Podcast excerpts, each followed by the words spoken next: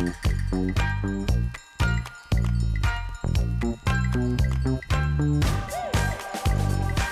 och varmt välkommen till ett nytt avsnitt av Nyfiken på facilitering med mig Patrik Ekstrand.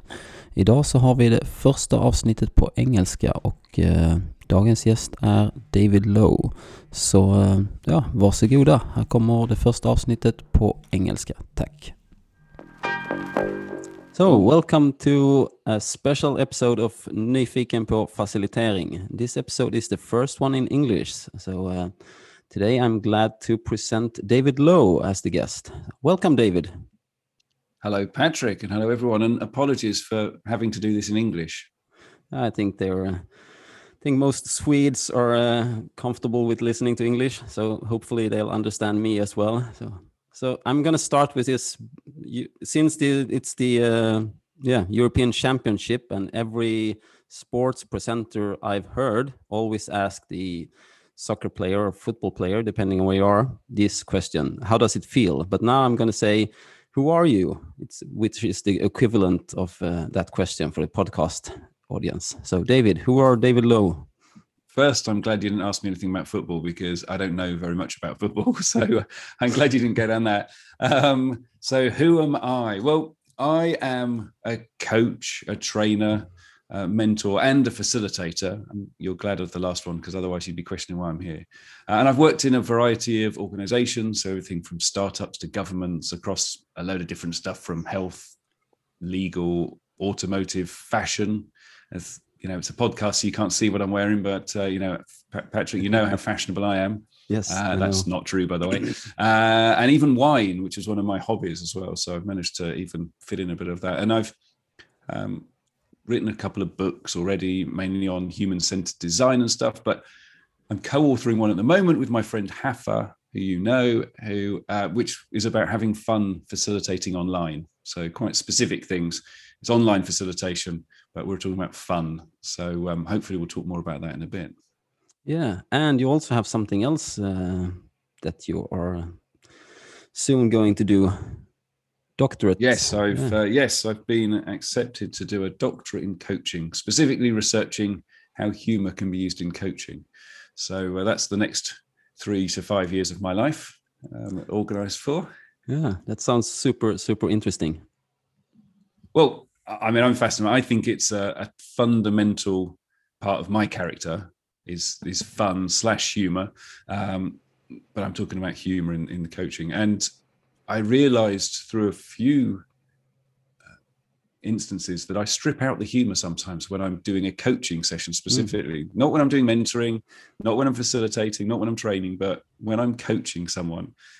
I think I seem to feel it's a serious matter. And so that then started me thinking, well, why am I doing that? Uh, actually, what benefit has humor got, and all of those things. And so that's that's why I'm going down there. And no one has researched this yet. No one's done anything on mm. humor in coaching. So, uh, well, sorry, no one has published anything yeah. official. there are there have been other postgrads and stuff like that that have done some work, but it's definitely a, an area that needs some work. I feel. Yeah, it really does. And as you say, people are usually just like, oh this can't be fun because this is a serious subject or mm. if you're if you're a professional then you can't have fun. And i'm like well if you are a professional and if you take your job seriously then you should be able to make your work fun. And if you have a presentation or something and because people will remember it better if you have some fun and humor in it. So if you are a professional then you should have some fun in it. If you aren't a professional then you could be serious and people will zone out in like two seconds and start scrolling on Instagram or TikTok or something else on their phone. So, well, and I think you've opened the the can there. I think you've opened the can of worms, which is a number of things. One, the more professional you are, the better at your job you are, the less um, imposter syndrome you have. All of those things. I think you are then more prepared to bring the fun in. And maybe that's a thing, Patrick. Maybe in my yeah. coaching sessions, when I stripped out the fun, I was feeling that the person I was coaching um, you know was was above me in whatever respect and that i couldn't bring in the fun maybe i yeah. felt some kind of imposter syndrome yeah. in that um, but yeah i think as you said i think you remember things more if it's fun i think you're in flow you know that whole yeah. Csikszentmihalyi idea of when you're in flow the time just disappears yeah you know and you think how the hell have i just spent f- three hours it seemed like five minutes you know that that's when you're having fun. And so this is where I'm going. This is what this is my proposal to you all in this episode is that if we can bring fun when we're facilitating, it makes it more memorable. We get a better output, and you know, and it's more fun. It's more enjoyable. We're more engagement. Exactly, and it's also like if I just bring a small metaphor because I used I'm a trained chef. I used to work as a chef for several years. Ah, didn't know that.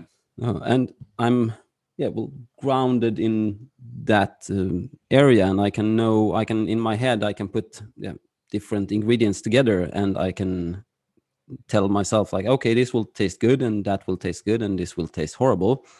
And when i cook something i can have fun with ingredients and i can like put in some new things and be creative. But if you aren't grounded if you aren't secure then you have to maybe follow recipe to the to the book and then you can't mm. do any fun things or put in some creativity or a new fun spice or anything so i think that's that has a lot to do with it, with it as well how comfortable you are well and it's funny you should say this because the book that i mentioned Hafa and i are writing about yeah. having fun online facilitating fun online is in the style of a cookbook. I don't want to say ah, too much because yeah. I don't want uh, to uh, ruin the surprise for when it's out. And it has to be out, by the way, before September because that's when I'm starting the research for the doctorate. So oh, it's got to be done by September. Uh, and I'll, I'm, hopefully we can put a link in the show notes for people to to sign up to hear more about when it's going yeah, to come out. Hopefully, maybe even give them a discount of some sort.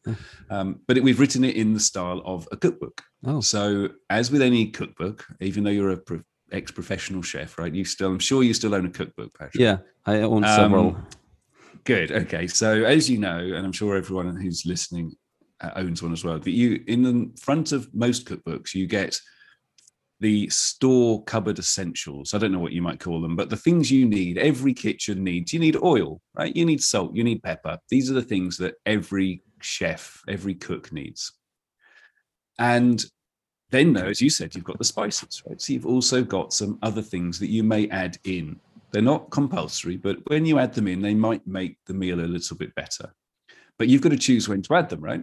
We can make a recommendation as the as the cookbook writer, but you can choose whether to add a little bit more, I don't know, curry powder or a little bit more um, parsley or whatever else it is, right? And so we've got these in the book. We've got the essentials that you need to have We've then got the added spices again, like the kind of optional bits that you can sprinkle into your facilitation. And then we go into the starters, the main courses, and the desserts, which kind of reflect the process of going through your workshop. And so uh, there are other bits to the book as well. We've got some guest chefs writing some pieces. We've got some uh, meals about how you might join it all together. So it's that kind of dinner party suggestion. Um, but we thought the format was fun, but actually made complete sense in terms of facilitation because it is a bit like cooking for a dinner yeah, party, yeah, right? You, have got to plan it. The more planning you do, right, to some extent, uh, yeah. the better it's going to be. And you are this chef, and you can get creative with stuff. Exactly. Yeah, it sounds really fun. I yeah, I will definitely buy it and read it oh, we might get you to actually be a, a beta reader to give us some feedback as you've yeah. got the the chefism in you as well as the facilitation. So I'd love to maybe even uh, give you a recipe or something to have in the book. That sorry, I was just shutting my window. That would be yeah. brilliant. Yes, we are yeah. very much open for for guest contributors of, of suggestions of some of the meals that we can add in. Yes, Super. So please do. And anyone else, feel free again to, to send us suggestions. Yeah. But they'll have to be in English, I'm afraid or they could be in Portuguese for Hafa. He, he can translate it for me. so English or Portuguese? That, that's fine, yeah. Um, anything else would be a bit tricky. Of course, there's always Google Translate, but yeah. we don't want to rely on that, right? No, no. You know what happens so. with a recipe if you start Google translating yeah. I think it would be a mess. Yeah.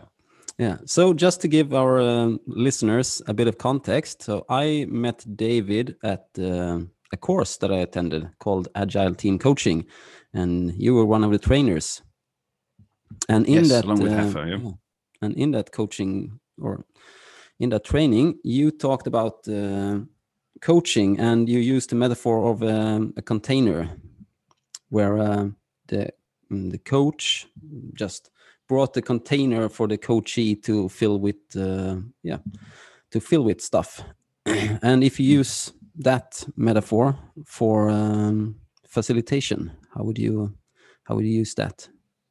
Yeah, so I think it's very similar. If you, when I said I'm a coach, a trainer, a mentor, and a facilitator, if we take all of those four things, and, the, and I've borrowed this model, this this way of describing it from um, Lyssa Adkins and Michael Spayd, that you're either bringing content. So when I'm training, I'm bringing some content. I'm bringing some ideas that are either mine or someone else's, and I'm passing them on to somebody else. And the same with mentoring. There's an element of this is gets tricky here, so we won't go into it. But there's an element of I'm bringing something. I'm bringing some content when I'm mentoring as well, some experiences or whatever.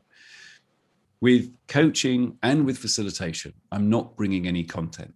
So I could facilitate a meeting of the other people who have got offices around me here.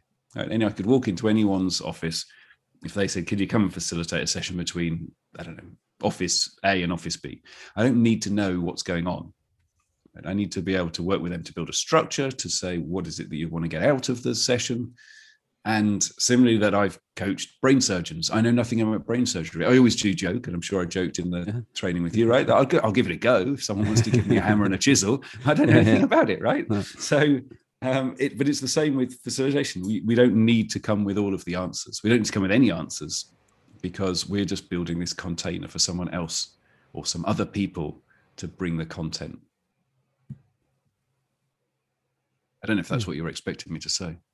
I wasn't expecting you to say anything. I just asked the question. I wanted to hear your answer. So didn't know if there was a leading question there, no, but we no. won't go into those. exactly. Um, Since I'm a coach as well, I don't have any uh, expectations on the answers. So. well, and the the idea I was having when you said about coming on here, I was thinking, well, what am I going to talk about? And and I had this idea that there's a number of levels of what people want when they're being facilitated, right? So these people who are bringing the content. And I'm not sure who's familiar with Maslow's hierarchy of needs, um, but it has those five levels. Um, it's got it starts with physiological. So, for example, we need water, we need food as human beings, right? Yeah. And the the needs from someone who's being who's in a facilitated session, I think, also fits with these five levels, right? So there's the physiological stuff. Uh, uh, such as well we want people to be comfortable right? We want people to have breaks. They need to go to the bathroom. They need to eat. So if we facilitate a session for 10 hours without any breaks that's not looking after their physiological needs right? Um, and you know obviously when it's remote it's slightly different we don't have to we can't control the temperature in the room but we could when it's in person right hopefully we'll get back to having in-person facilitated sessions as well at some point right? um, but even online it's still we still have these needs right we need to have breaks you know, anything over an hour, I start to to feel that I'm really pushing the boundaries of, of comfort in that. For yeah. example, ideally it would be, I don't know, 30 minutes, 40 minutes, we could have a break. But certainly over that hour, I, I feel we're losing that. Now, there's not a lot of fun or humor, I don't think, relevant to that physiological. Maybe I'm, I'll, I'll probably regret saying that because I'm sure I'll think the minute I finish this, I'll think, oh God, no, there's there's the thing I should have mentioned that. But yeah. for the other four levels of Maslow's hierarchy of needs, I think that fun and humor really help with each of those. So, uh, if I'm allowed, I'd like to just quickly go through those to pitch what I think each of those four levels are. Yes, right? of course. Yeah. Shoot. So the first, well, the first one after physiological is security. Um, so the, this feeling safe, and you know, we talk about that kind of um, that that lack of trust as being one of the the foundational problems in teams. I, I think humor can help build this security, right? So whether it's self-deprecating humor, so taking, you know, making fun of oneself as the yeah. facilitator, or uh, and Hafa and I, well, I have this rule, and Hafa agrees with me that I would always rather co-facilitate. Yeah. I'd always rather co-train. I'd always rather co-author. I'd always rather co-everything because yeah, yeah. I think doing stuff on your own is rarely a better option of course, sometimes we need peace and we need our own time. But I'm not saying that. But working wise, I always think that doing stuff in pairs or even more um, is gets a lot better output. So yeah, two is really. my favorite for training, for facilitating, etc. So again, then you can kind of, if you've got that right right relationship, and you can put that relationship across, so you can have fun with each other. Obviously, there's a limit, and sometimes we get it wrong, right? And sometimes I certainly get it wrong. I, I remember there was a session where I was making fun of Hafa and during a break. Um, and you know, we had that relationship where we we have that relationship where we can do that. But someone came in halfway through and, and mistook what we were saying. They thought we were Ah, mocking okay. somebody else Yeah. because I was kind of laughing about, ah, this surfer dude I know, blah blah blah blah Yeah. blah. And it was clearly Hafa if you Yeah. were there at the start of the conversation, or if you heard other conversations we'd had. But yeah, it was it it didn't it, it fell over because someone didn't hear that part. and. Yeah, so you yeah. can certainly get it wrong. But anyway, this yeah, self-deprecating humor or making fun of your co-host or your your co-facilitator if you've got that relationship and stuff, showing your weaknesses and encouraging others to feel safe and let their guard down, I think is something that humor can certainly do in order to kind of build that security. Yeah. Right? We only have fun when we feel safe. Right? We don't have fun when we're not feeling safe. So that I believe that that that fun humor element certainly builds on that, right? It builds on the psychological safety stuff. Yeah, it's So really I'd argue important. that, that that second level, yeah. Hmm.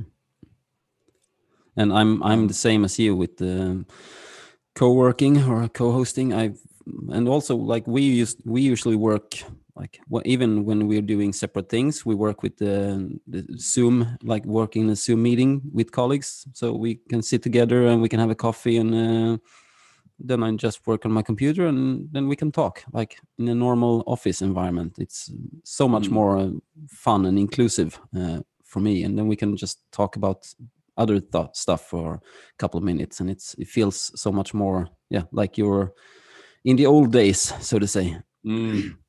Well, so Hafra and I, when we're writing, so we'll block out a whole day, and well, whole day. We'll start at ten, finish at yeah four, kind of a whole day, and um, but we'll just keep the Zoom on the whole time. So even Yeah. when you know we'll have half an hour of silence where we're just Yeah. working, writing stuff, and then coming back and whatever. But we're both there, so it is like we're sitting in an office Yeah. opposite each other because he's there, um, you know, and he'll wander off, and I'll wander off, and we'll come back, and um, but then you can just kind of start chatting if you want.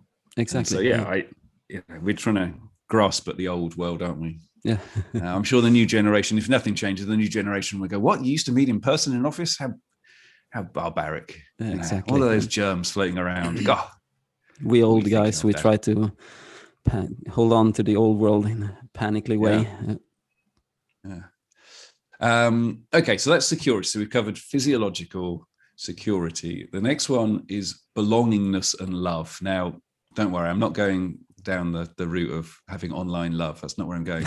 um, but having that feeling that that we're connected, right? Humor and fun can connect us. We when we laugh, and, and this is something I wrote about in my postgrad essay on humor, which is led to the doctorate, is that as a group we share fun, we share experiences, some of them good, some of them bad. We laugh at we we laugh at other people, you know, we we we build that shared humor and stuff. Now we've got to be careful because you could have it that you have an in group and an, an out group. I don't know if that makes sense, but you know, the, the Yeah, group that understand, yeah. knows and the others. And so yeah exactly we're this little cliquey group. So you have to be careful if how you're doing it, especially if let's say it was company A and company B I was facilitating. I wouldn't want to create a that social group with just company A, right, and exclude company yeah B. But certainly as a as a group, if we're facilitating something, I don't know, maybe it's a number of sessions, we're building on that. So the fun we have in the first session, we can then carry on to the second section session and the third session stuff and build on it and Yeah. build those bonds and create that sense of groupness, which I know is not a word. Um, and so I certainly think that humor and fun, which I'm lumping together here, there is a big difference, obviously, but it's probably more fun, I think, in what we're talking about in facilitating. Certainly, I do, I do think brings that belongingness and and love. Um, and you know, at the end of a course, uh, you know, the course you were talking about, you came on, and this is not just a shameless plug for our course, although it is a brilliant course and it's the thing I enjoy doing the most. Uh, is that at the end of it, you know, it's five days, five hours a day for five days, and at the end of it, there is a bond. You know, lots of people that 18 people who don't know each other at the start of the week on a Monday morning, by the end of that fifth day, have got a, a sense of, you know, I'm, I'm sad that we won't be seeing each other tomorrow, kind of thing. You know, and yeah that's it really I know that's training, so it's slightly different, but it's that same thing that a group of people online can create this belongingness and Yeah. love. I think. yeah it's Um, really I've it's got a- really powerful thing to see as well when you are having a training or holding a facilitation online and you feel that people are like making bonds or building bonds through Mm. yeah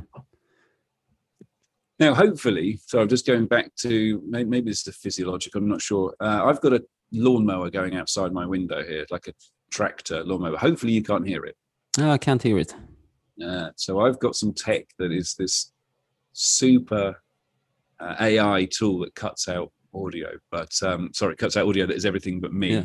Yeah. Um, and so I'm not going to go into that because uh, I've got a suggestion for another podcast episode for you of someone who is a, I'd say, a, well, he, he described himself as a geek as well, so I can get away with that. But a true geek on tech, which I think would be another topic. But anyway, I digress um, so that's we've done physiological needs, security needs, belongingness, and love.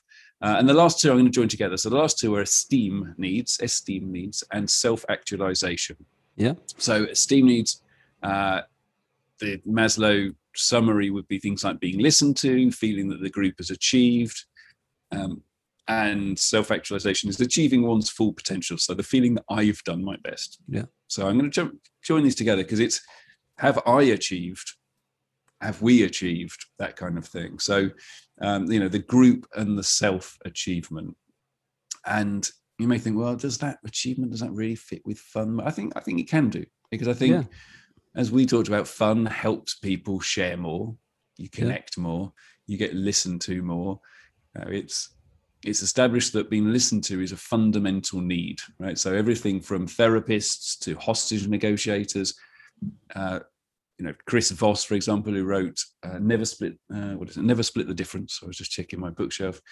Says that one of the fundamental things the first thing a hostage negotiator wants to get that um, hostage taker to feel is that they're being listened to Yeah.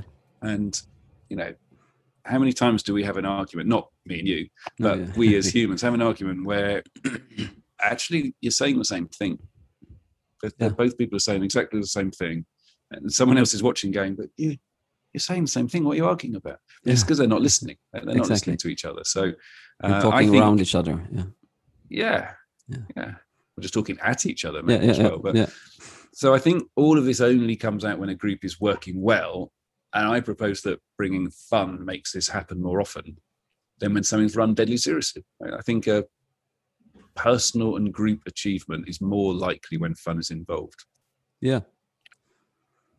And also like if you like sharing laugh is it's an intimate feeling in a way. Like if you're laughing together and if you're sharing humor and if you are like you need to listen to a person or like understand a person if you're going to make a joke for example that that person would like or because then you and that shows that you've listened and you understand who that person is so it makes a connection as well Yeah, now we're getting into the the deeper topic, and this is where my research in in humor is going to go. Is my theory is Yeah.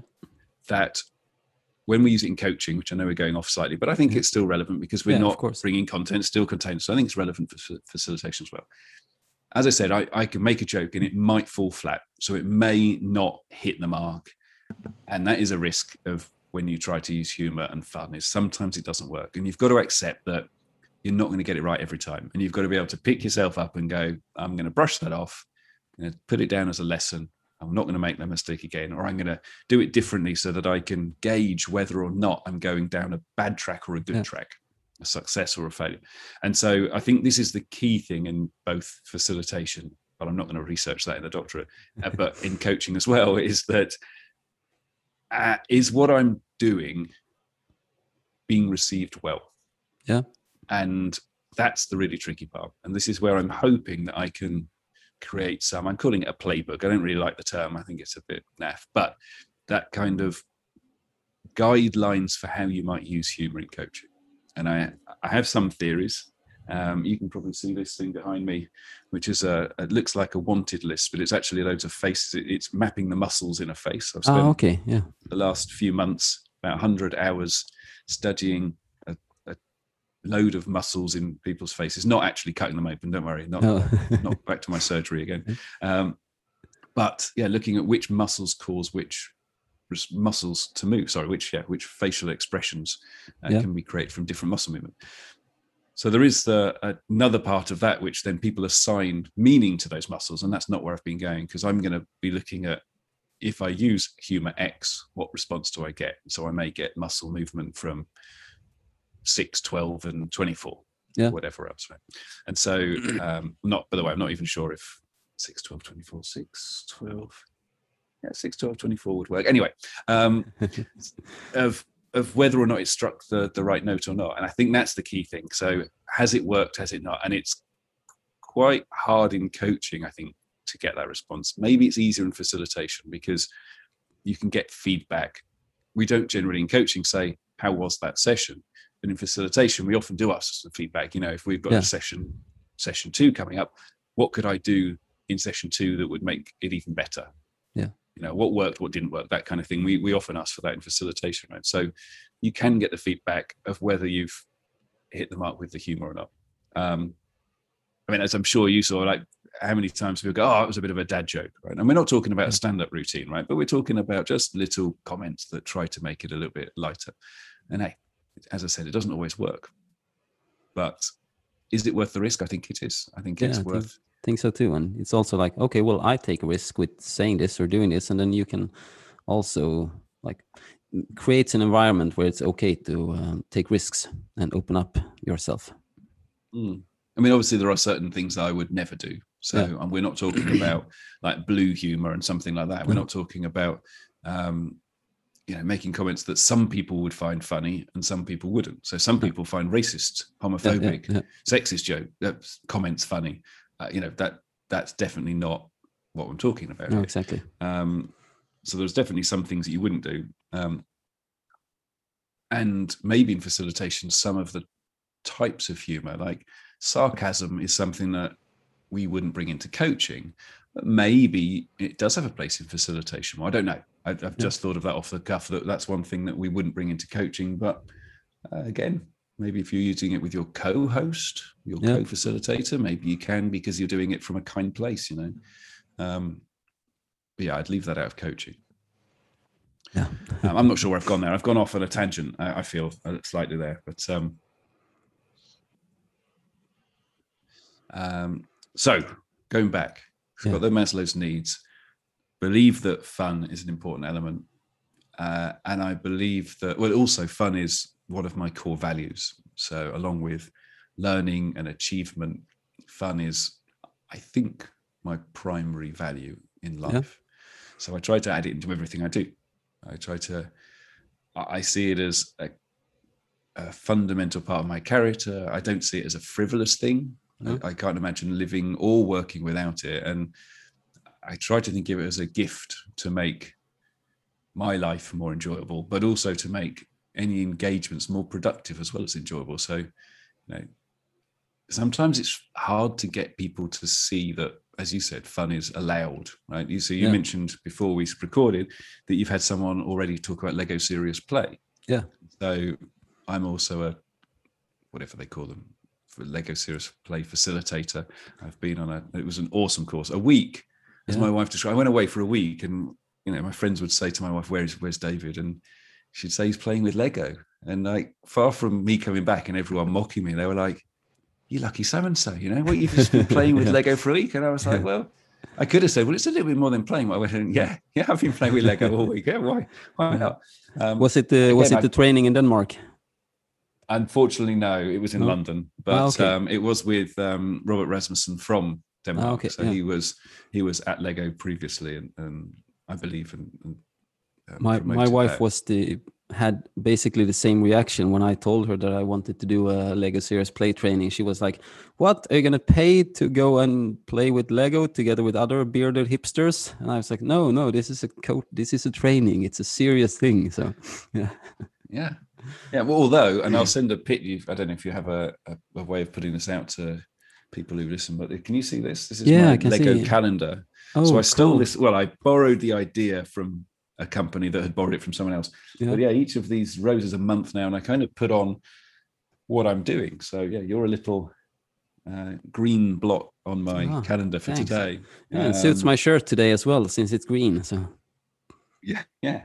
So, um, but yeah, I there's it's a it's a serious thing, right? So Lego use it. Yeah. Sorry, not Lego use it. Lego Serious Play is a way of getting anyone, but you know, a boardroom full of execs to actually.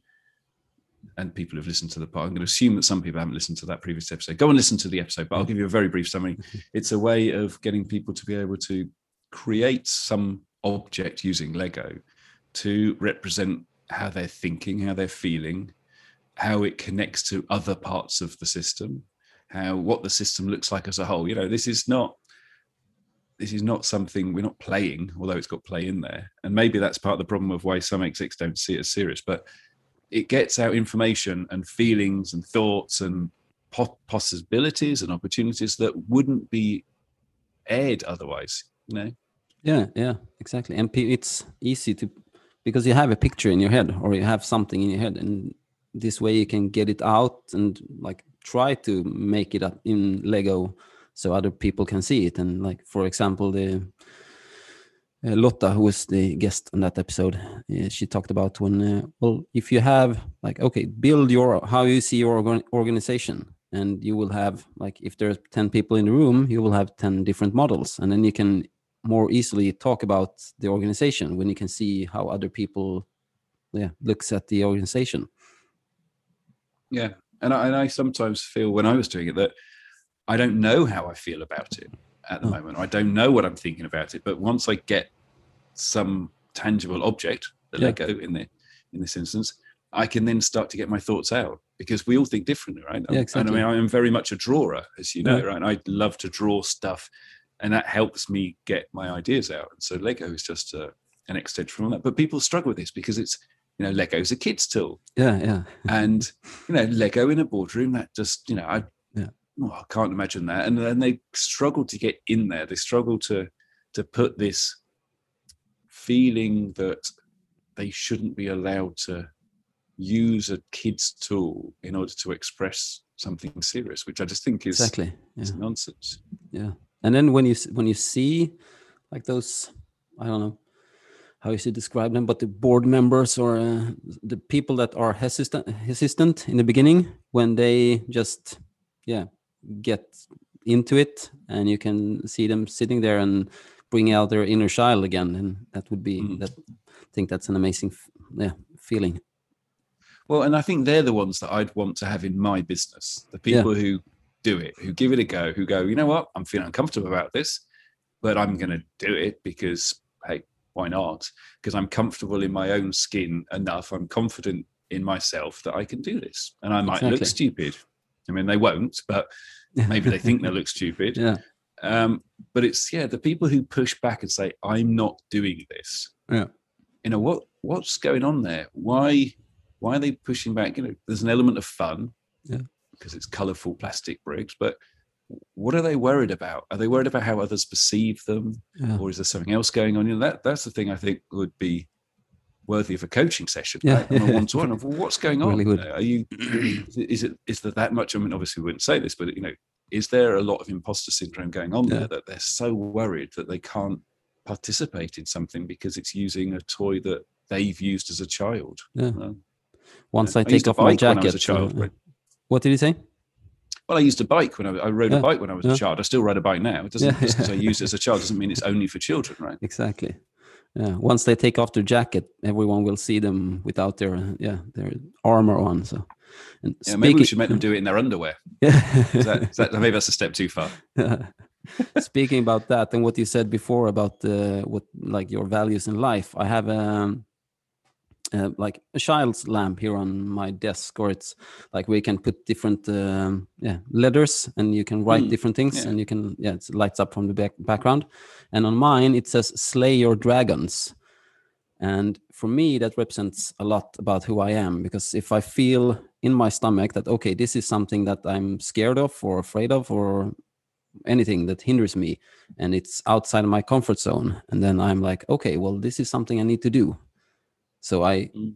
i eff- take an effort in going to that position where i feel that oh this isn't comfortable i really don't want to be here for example starting this podcast or having this episode in english but i make an effort to continuously uh, yeah challenge myself and then i expand my comfort zone so And also, I think you should you get a suit of armor Yeah. and have it in your office as well. yeah, might might do that. Might look at eBay later to see if I can find a nice And a sword. yeah, an old English uh, suit of armor or something. I mean, And you al- could have mine, but you know, we we all have them in England. Obviously, everyone has their suit of Yeah, of armor course, from the of course. 1500s. Yeah, that's Yeah. handed down. Exactly. You get it when you're turn 18 or something. Mm, yeah, The Yeah, queen comes and deliver it. Yeah. yeah. and also like what you said about fun i well people don't see me but the people that know me knows that i have a quite a colorful uh, yeah way of dressing and a lot of people tell me that they get happy when they see me so that's something that i really enjoy to hear because who doesn't want to make other people happy Yeah, well, you put us to shame, I must admit, on the course. I mean, Hafa Yeah. is known for wearing his check shirts. I'm pretty much t-shirt and hoodie, and then you come with your smart shirts, your amazing suits. You know, there was a tie. I think I haven't worn a Yeah, tie. I didn't even wear a tie at my wedding. Patrik. and then you turn up, you know, and you look, uh, yeah, you look very smart. So, I, yeah, maybe it's maybe this should be a, a YouTube channel so that Yeah. people can actually see you in all your glory. But, yeah um, maybe I mean, I'm loving the I'm loving the uh, the mankini that you're wearing today, though. I mean, that's yeah definitely thanks different. Yeah. thanks He, he's not, by the way. I am joking. Uh, so, well, going back a bit, I just since yes. we might have uh, some people who are new to facilitation or want to start become a facilitator. Uh, so this uh, this is a two part question. One, what do you think you need to have, like, uh, if you have, if there's some, yeah, if there's some people that are particularly well suited to be facilitators, and where do you think you should start? Is there like a book you should read, or should you just start doing, or yeah? What is your so I think that maybe the type of person who is going to struggle most, I'm going to take it from the different Yeah. perspective because anyone can facilitate. Let's just get it out there. Like anybody can draw. People, it, it upsets me when people say, "Oh, I can't draw." Well, you, you can Yeah. draw draw a square, right? You can draw. Right? You might not be an amazing. You're not Michelangelo, fine, but you can draw, and you can all facilitate. So the Uh, we, we learned is- we learned to draw in the last episode, by the way. I just have to say that in Ah. the graphic facilitation episode. So now we can all draw. Yeah. Awesome. Um, and we can all facilitate. The problem comes when we want to participate and facilitate. As I was saying, I believe that this is the, the container we're bringing, we're bringing the process, not the Yeah. content. So if you're facilitating and you're bringing your own ideas to it, that's when it can start to get a bit muddy and a bit messy. So uh, my my starting point for people, my suggestion is just pay attention to when you're doing stuff, whatever it is, whether it's a conversation with your friends, whether it's a meeting at work, where you're not facilitating, but how much do you want to talk and add content as opposed to listen to others and help them generate their thoughts? And where we want to be on the spectrum is definitely towards the not bringing content. Uh, it's fine to have the ideas. You know, I might be doing a design sprint with a company and I'm facilitating it. So I'm not bringing content because I don't understand anything about pharmaceuticals, for example. So I can't Yeah. bring the content, but I could still add in an idea, right? We, we're talking about design sprint. We're talking about how they might do something. I might say, well, what about this idea? But I'm bringing something to that session then. So we want to be towards the end of not bringing content. Yeah. So that would be my that would be my suggestion, but doesn't answer the question really. So you were saying a book or something. Um, and I was thinking about this. I was thinking, well, obviously my book and Hafa's book, Of course, that's yeah. the one you should start with, but it's not written yet. So uh, you should sign up to the list. I'm going to put in the show notes. But I think a book that has I, I read, skim read a while ago, and then I've come back to and re properly read that I think has a massive impact and uh, is so far reaching, but it's not anything to do with facilitation in itself, is Daniel Goleman's emotional intelligence. Being able to understand how you're feeling, think about how others are feeling, change your behavior according to what you're experiencing and what you're learning about other people, I think is a key part of being a human being and certainly touches on all of the things I do in terms of coaching, teaching, mentoring and facilitating. Because if I don't know how other people are, are feeling and I, I, can't have a guess at how they're feeling. Obviously, I don't know for sure without some uh, engagement with them. But then I can't I can't help them in whatever it is I'm doing, whether it's coaching, training, facilitating, or mentoring. So that would be a book I'd point to. And he makes a very convincing argument that makes you think this isn't just about me and my performance and other people and their performance. It's actually about everyone I, t- I, I kind of get involved with. So my kids, my wife, you know, yeah. the, the convincing argument is that people who are uh, who have emotional intelligence, so this awareness of those things I was just saying, how other people are feeling, how I'm feeling, become better people. And by better, for example, might be more successful. Yeah. Um, but also better in that they are less likely to be addicted to drugs, drink. They are less likely to end up in prison, etc., uh, etc. Et so okay. it's a really important, an important part. So that's that's my starting point because then you understand you understand people a little bit more, and I think yeah. that's that's a that's my recommendation. Yeah, it's thanks. also on Blinkist if you are really, I was going to say lazy, short of time. Um, I, I, found it on there again recently, which made me then go back and read it because I thought, oh, yeah, I've only ever actually skim read this. Yeah, and it's as you say, it's all about like if you understand people, then it's easier to understand, and also because when you're at least when you're in physical, or yeah, of course when you're in Zoom as well, when you you look at people and you have to see, okay, well, this is a person who might you can see that they want to say something, but there's something that holds them back. Then you can give them the space to talk and if you can't yeah. read people or you don't have any emotional intelligence or empathy or anything then it's hard for you to to see that yeah yeah and see that they want to speak but maybe they're yeah. scared of speaking yeah exactly right? and so we you know we don't we just because someone wants to speak we don't want to call them out you know come on bob tell us what you're thinking no, exactly. i can see you want to say something bob come and tell us bob and he's like well no i don't feel comfortable i don't feel safe yeah. yet because it's too early in the session. Yeah, we had an actually an example of that for a couple of yeah. I was in a training, or I was uh, yeah hosting a training, and one of the uh, attendees, I know her a bit from before, and she wrote to me because it was on Zoom, and she wrote to me in the chat and asking a question, and I was like, well, why don't you ask that in the open room instead? Because i think there is several more people who want to hear the answer. And then she she did that and uh, people were oh thank you for asking that question. I was sitting with the same question but i didn't want to ask mm. basically so. Yeah yeah getting those people to contribute. But uh, again adding it in if so if she'd said i don't i don't want to i don't i you know yeah then of course i would have yeah written the answer for her and then said something to all the other but yeah. Yeah. Giving her the opportunity to ask the question so. Yeah and finding a way you know again when you said that my initial thought was okay so let's assume she didn't want to say it herself uh, and you find out that she doesn't want to how could you introduce it yourself you know and adding some fun and so hey we've got a we've got a caller on the telephone who would yeah, like yeah. to pose a question you know and just kind of you know that's the kind of humorous thing i'm talking about as i said it's not about a stand-up routine but it's exactly. about bringing some lightness yeah. to whatever it is and again not saying it was um, done as best as I could. But it's you, you can bring these to really heavy topics. Yeah.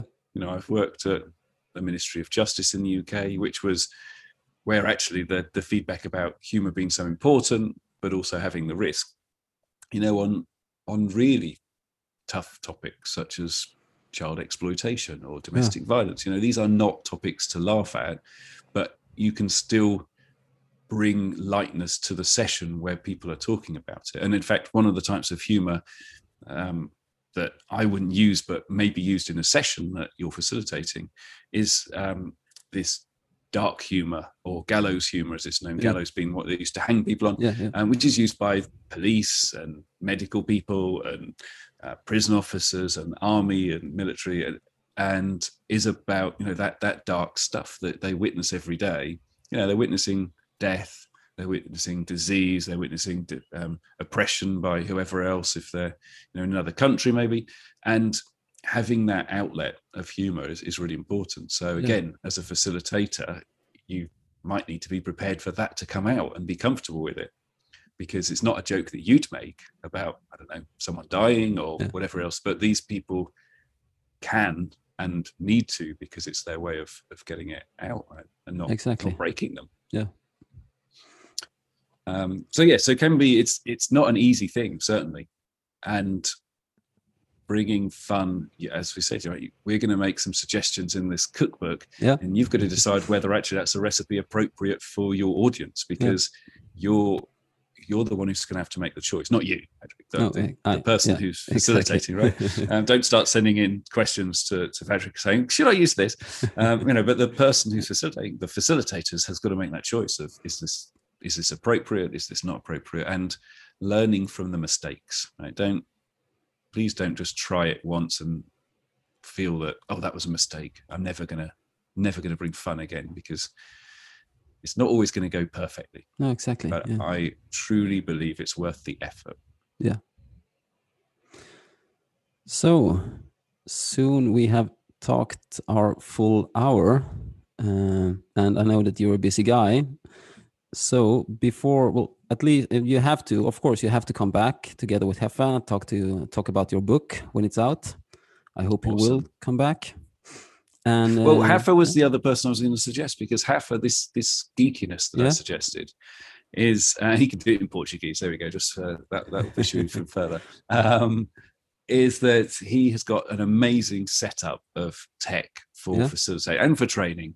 Uh, and I know that's going to be have its challenges on a podcast, but obviously you can follow up with other information. But he's got so he's got so slick on some of the stuff that he's doing yeah, uh, it is all a, a work in progress but he's also trying to do it on a on a low budget so Oh, i've got okay, this yeah. flashy projector thing that uh, is basically like an overhead projector for those of us old enough to remember those but it's Yeah, a yeah. digital camera Yeah. and i can spin it up in like 10 seconds uh, and it cost me 500 400 500 euros something like that Yeah.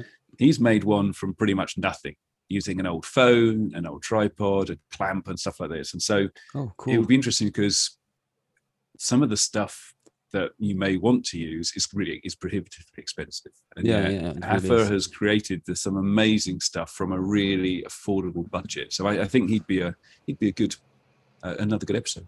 Yeah, yeah, then yeah. Thanks. Do you have any other suggestion for any other guest? Oh, where do I stop? I mean, you know, I think I think what we often look for in these things is I want the book that gives me the answers to facilitation. And a bit like the Daniel Goleman suggestion, I don't think it's I don't think it's the tools that we need to help. I think it's how what what else can we add into this? What, Yeah. what other aspects do I as a person not quite excel at that I get? So whether it's drawing, whether it's understanding human needs, whether it's thinking about formats for sessions, wh- wh- whatever it is, it's I think it you each person needs to think what is it that I don't quite get? Is it Yeah. I don't get people? Is it I don't get how to create something I don't know engaging? And so you could then look for Lego or drawings or, or whatever else it is. Um, but I shall put my thinking cap on. I'll let you know if there's other specific topic. I could probably write you a list of, Yeah. of suggestions. Please do on LinkedIn or something. So. Hmm. And then for the last thing, here's your, uh, you can have your shameless plug here. Where can people find you? What are you up to except the cookbook and uh, anything else you want to say? Well, there's lots going on, so I don't want to take up uh, Yeah. too much time. So, first of all, uh, if you want to talk about anything, then LinkedIn is a good place. Uh, my LinkedIn profile is um, David J. Lowe, J for James. Uh, so feel free to catch me on there. I mean, stuff that I'd like to welcome people to do is to stick your name down if you're interested in this humor stuff that I was talking about, uh, and in and in terms of the book. So I've got a Bitly link. Uh, the book for the fun online facilitation is bit.ly, the Bitly link, and then the um, domain is you are on mute. You Ah, are cool. on mute, which is our I'll put everything in the show notes for people. uh, oh, cool. Okay. And then there's yes, there's this humor list. So getting involved in the humor might just be about what i'm finding but also the invitation is is that if people want to be my lab rats they want to be participants for testing some of this humor stuff right so some of the time i'm going to need to push the boundaries which is going to make me feel uncomfortable Yeah. to get to get the response that it no that doesn't work david you know and i need that as well as things that do Yeah. work um, difficult you can't always do that with a, a real client No. in a coaching session so uh, the invitation there of course we'll discuss what people are comfortable with doing but uh, yeah i'd love people to sign up to that as well Yeah, super. So, thank you, David, for wanting to be a guest. And as I said, you will come back as a guest, hopefully, to talk about your uh, book, and maybe if you want to talk to talk about your research as well in a later episode. So, cool. Well thank you for the invitation. We'd love Yeah. to come back. Uh, and thank you for doing it in english again. And thank you Yeah, for listening in english Så tack så jättemycket för att ni har lyssnat. Dagens avsnitt var det sista i eh, säsong ett av den här podden. I höst återkommer vi igen och då är förhoppningen att det kommer bli fler avsnitt på engelska. Så har ni fler eh, förslag på gäster och liknande är ni välkomna att höra av er till mig och ni hittar mig lättast på LinkedIn där jag heter Patrik Ekstrand. Tack och hej och eh, mycket nöje. Ha en fantastiskt härlig sommar. Glöm inte att lämna betyg på podden om ni uppskattar den. Tack och hej!